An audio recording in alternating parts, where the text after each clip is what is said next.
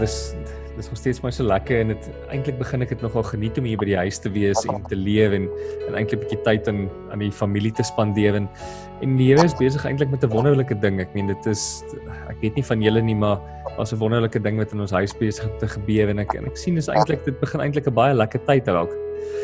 En ek en Fransie van Paris Minister wie sit hier so in gesels en ek hoor die hele tyd maar dat ons priesters van die nuwe verbond is in die Nuwe Testament en in die die hele tyd in die Bybel lees ons dat jy weet ons God is 'n verbondsgod, maar wat beteken hierdie verbond regtig? Wat is hierdie verbond? Môre almal, dis heerlik om saam met julle te kuier en ek dink die voordeel wat ons het is dat ons almal genoeg tyd het om uh tyd om die uh, om die woord van die Here deur te bring. Uh Piet, as ons kyk na die woord verbond, verbond het eintlik so klisjé geword in die Christelike lewe, maar het ons regtig 'n begrip wat wat beteken verbond? As ons kyk in die Bybel, Ou en Nuwe Testament, dan word die woord verbond 282 keer genoem. Wat vir ons sê dis 'n baie belangrike begrip. Nou wanneer ons praat van 'n verbond, wat beteken dit om in 'n verbond met iemand te wees? As ons kyk na die konteks van die um ancient verbonde wat gesluit is. Wat het gebeur daar? Wanneer iemand en volke en persone in 'n verbond met mekaar gaan, dan kom hulle en hulle sê, ek lê myself neer en alles wie ek is en wat ek besit, gee ek vir jou. In die ou tyd het hulle uh, daar was altyd met 'n verbond is daar bloed wat vloei. So hulle het 'n snit gemaak in hulle gewoonlik op hulle pols dan het hulle bloed gemeng. Wat beteken dit om bloed te meng? Dit beteken die woord van die Here sê in Levitikus 17 eh, vir ons dat die lewe is in die bloed. So ons sê dat ek gee my lewe vir jou. Ons ruil ons lewens uit. En hulle het wapens uitgereël, 'n geruil wat sê al die krag en die autoriteit wat ek het, kom ek en ek gee dit vir jou en ek bied dit aan vir jou. En dan is dit ook baie interessant dat hulle uh, hulle besittings gedeel het en gesê wat ek het is joune en wat jy het is myne. So dit is net basies waaroor 'n verbond gegaan het. Nou as ons kyk na God wat die eerste verbond met 'n uh, 'n um, 'n mens gesluit het, dan kyk ons na God wat die verbond met Abraham gesluit het in Genesis 15.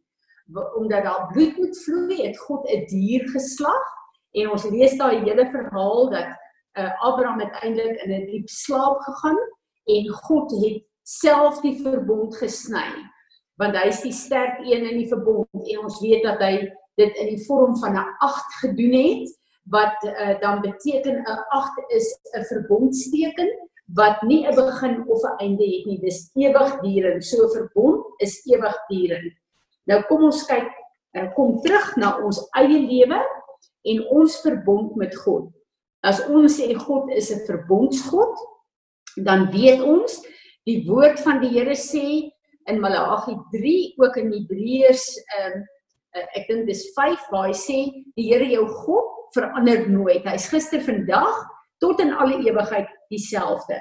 So hierdie God van ons is in wese in wie hy is altyd dieselfde. Uh wanneer ek en jy kyk na 'n verbond met God, In die Ou Testament moes mense 'n verbond gesny het. Hulle moes offers gebring het deur die bloed van diere, want daar moet bloed vloei. Nuwe Testament, ek en jy, daar het bloed gevloei, maar die bloed van Jesus Christus. En deur daai offer aan te neem, het ek en jy een geword met God en in 'n verbond met hom getree. En die bloed van Jesus wat tot in alle ewigheid die uh teken van die verbond is, wat ons met God het. So wanneer ek en jy wedergebore is, dan is ons in 'n verbond met God en die bloed van Jesus is die seël van hierdie verbond. Dit wil sê wat hierdie verbond geaktiveer en bekragtig het. En vir ons as Nuwe Testamentiese kinders van God, is dit so wonderlik dat hy vir ons die verbondstekens of soos baie dit ken die nagmaal tekens gegee het dat wanneer ek en jy hierdie brood breek en hierdie druiwesap drink, daar is nie 'n tyd in die gees nie, dan tree ons terug na die kruis van Golgotha, die oorwinning, die dood en die opstanding van Jesus Christus. En wanneer ek en jy dit vier, dan vier ons dit nie net om vir onsself te sê, dis deel van my, ek eet ek drink dit nie, maar ook om volgens uh, Efesiërs 3 vers 10 'n verklaring te maak vir die principalities en die powers wat kyk na my en jou om te sê ek is 'n verbond met hierdie lewende God en Jesus Christus het hierdie verbond kom bekragtig. Nou hoe onderhou ons as mense dan hierdie verbond saam met Vader? Dit is so 'n goeie vraag want as ons kyk na die woord van God, God en ek is in 'n verbond. God doen daagliks uh soveel dinge in my lewe. Die feit dat ek asem van hom gekry het om te lewe is deel van wat hierdie verbondsgod vir my daagliks gee. Maar wat sê die woord van God? Hoe onderhou ek die verbond? As ek en jy 'n voorbeeld wil hê, dan kyk ons na die huweliksverbond en die mense wat getroud is, weet as jy in 'n huwelik is, is daar sekere goed wat jy moet doen uh om jou maat gelukkig te hou en om in 'n verhouding met jou maat te wees. As jy nooit met jou maat praat nie, as jy nooit jou maat bedien nie, as jy nooit jou maat lief hê nie, tyd met jou maat spandeer nie, dan is daar nie 'n huwelik nie. En baie gou sal julle uitmekaar uitdryf. So is dit ook met die verbond met God. Wanneer ek en jy kom, ons moet weet dat ons ruil name uit. Uh, is een van die die tekens van 'n verbond. Ek is nou 'n Christen, want deur die dood en die opstanding het ek hom in my doop gevolg ek het my naam verloor en ek is nou deel van die liggaam van Christus. Wat beteken dit vir God op aarde? Dit beteken dat God op aarde my Fransie van Wyk gebruik, kan gebruik om te bid uh en sekere goed te verklaar uh wat hy op aarde wil laat geskied. So hy gebruik my as mens as 'n deur op aarde. Ek moet myself gee vir die Here dat hy deur my kan bid en dat hy deur my verklaringe kan maak. Uh God gebruik my as 'n wapen op aarde om 'n oorlog te voer ook op aarde. So ek moet van my kant af tyd daar stel om in die eerste plek die woord van God te ken. En wanneer ek sê die woord van God ken, wanneer ek en jy die woord lees, is dit nie 'n een eensydige lees nie, soos wat jy een skrif lees, antwoord jy dan in jou eie taal. So dis 'n twee gesprek wanneer jy kyk in die woord spandeer. En uit dit uit uh, bid ons en ons bid ook dan dit wat God in ons lewens verwag of wil verander hê. Bid ons en vra hom, gee hom toestemming om dit te doen.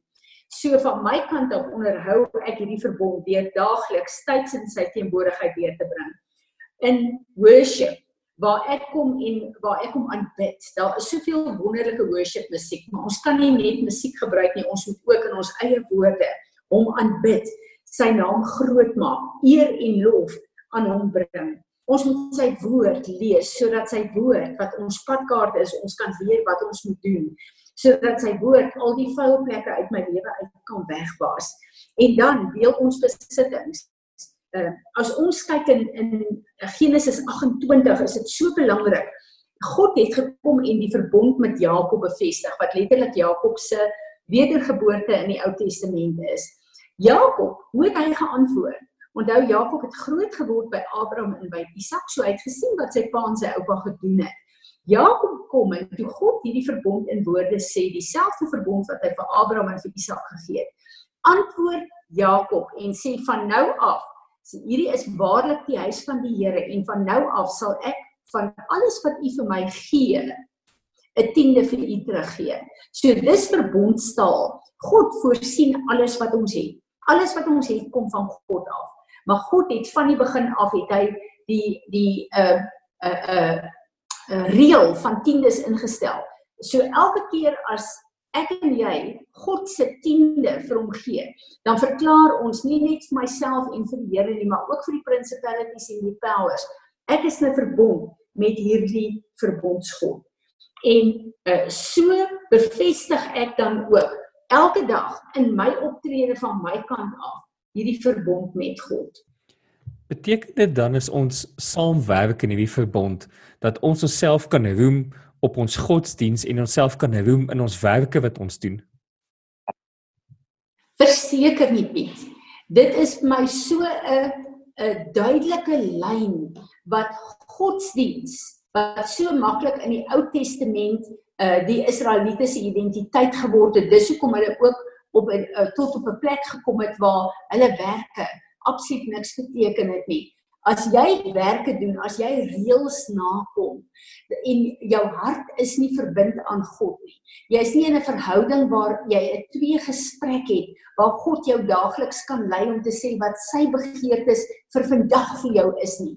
Dan beland ons in rituele waar ons elke dag lees ek en ek bid en ek worship, uh uh maandeliks betaal ek uh, God se tiendes en dit is vir my dan is stel reëls wat ek kan nakom dan voel ek ek is 'n goeie verbondsonderhoudende kind van God. Nee, dit het niks met reëls en regulasies te doen nie.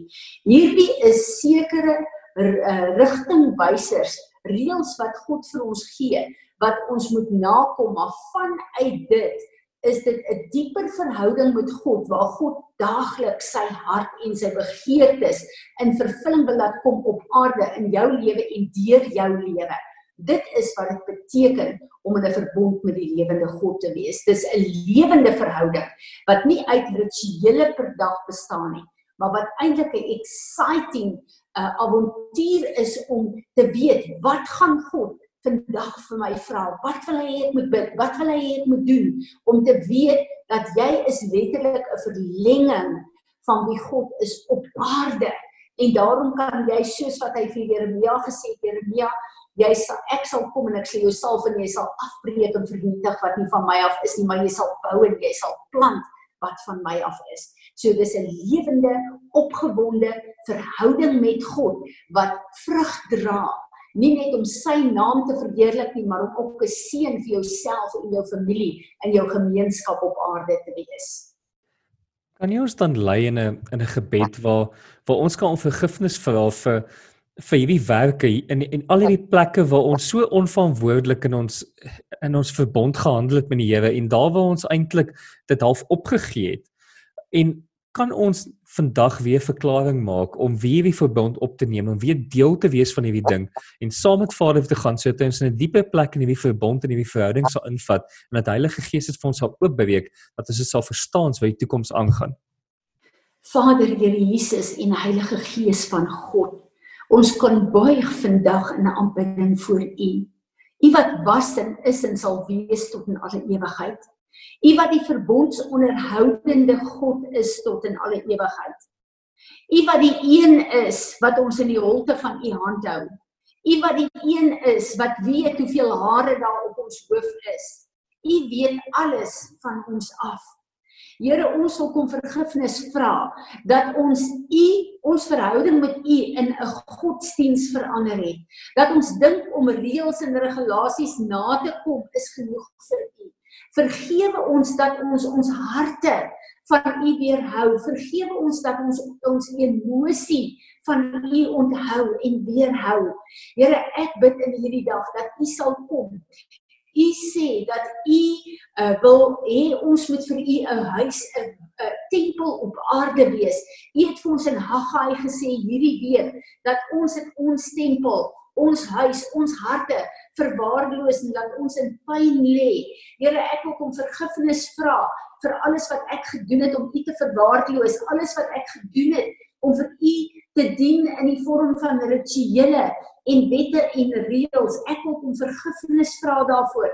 Ek wil kom vergifnis vra, Here, dat ek nie tyd in U woord spandeer nie, dat ek nie tyd in gebed spandeer nie. Laat my hart koud geraak het teenoor U en u woord Here.